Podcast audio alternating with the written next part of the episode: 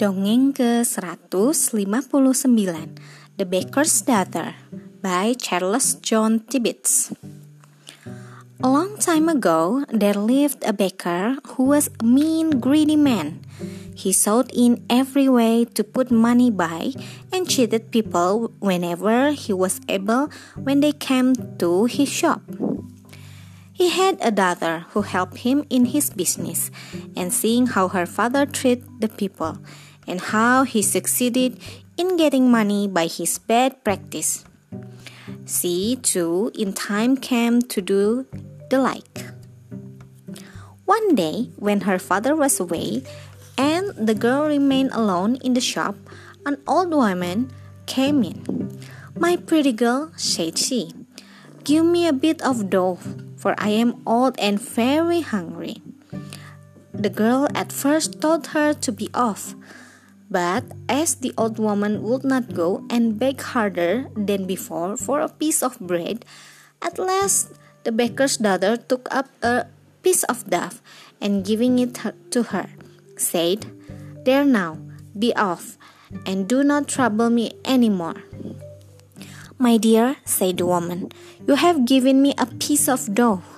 Let me bake it in your oven, for I have no place on my own to bake it.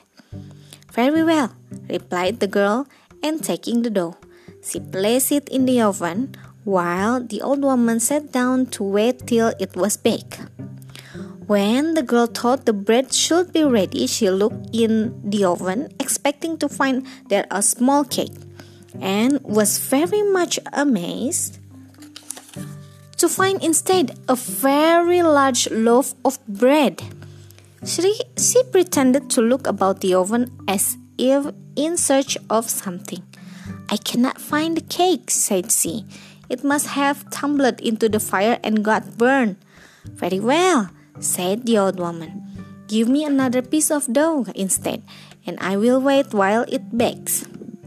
So the girl took another piece of dough smaller than the first piece and having put it in the oven, shut the door. At the end of a few minutes or so, she looked in again and found there another loaf, larger than the last. Dear me, said she, pretending to look about her. I have surely lost the dough again. There is no cake here. "'Tis a pity," said the old woman. "But never mind, I will wait while you bake me another piece." So the baker's daughter took a piece of dough as small as her finger and put it in the oven, when the old woman sat near. When she thought it ought to be baked, she looked into the oven and there saw a loaf larger than either of the others. That's mine, said the old woman. No, replied the girl. How could such a large loaf have grown out of a little piece of dough? It is mine, I am sure, said the woman. It is not, said the girl. You shall not have it. Well, when the old woman saw the girl would not give her the loaf, and saw how she had tried to cheat her, for she was a fairy and knew all the tricks that the baker's daughter had put upon her, she drew out from under her cloak a stick and just touched the girl with it. Then a wonderful thing occurred, for the girl became all of a sudden changed into an owl, and flying about the room, at last made for the door and finding it open, she flew out and was never seen again.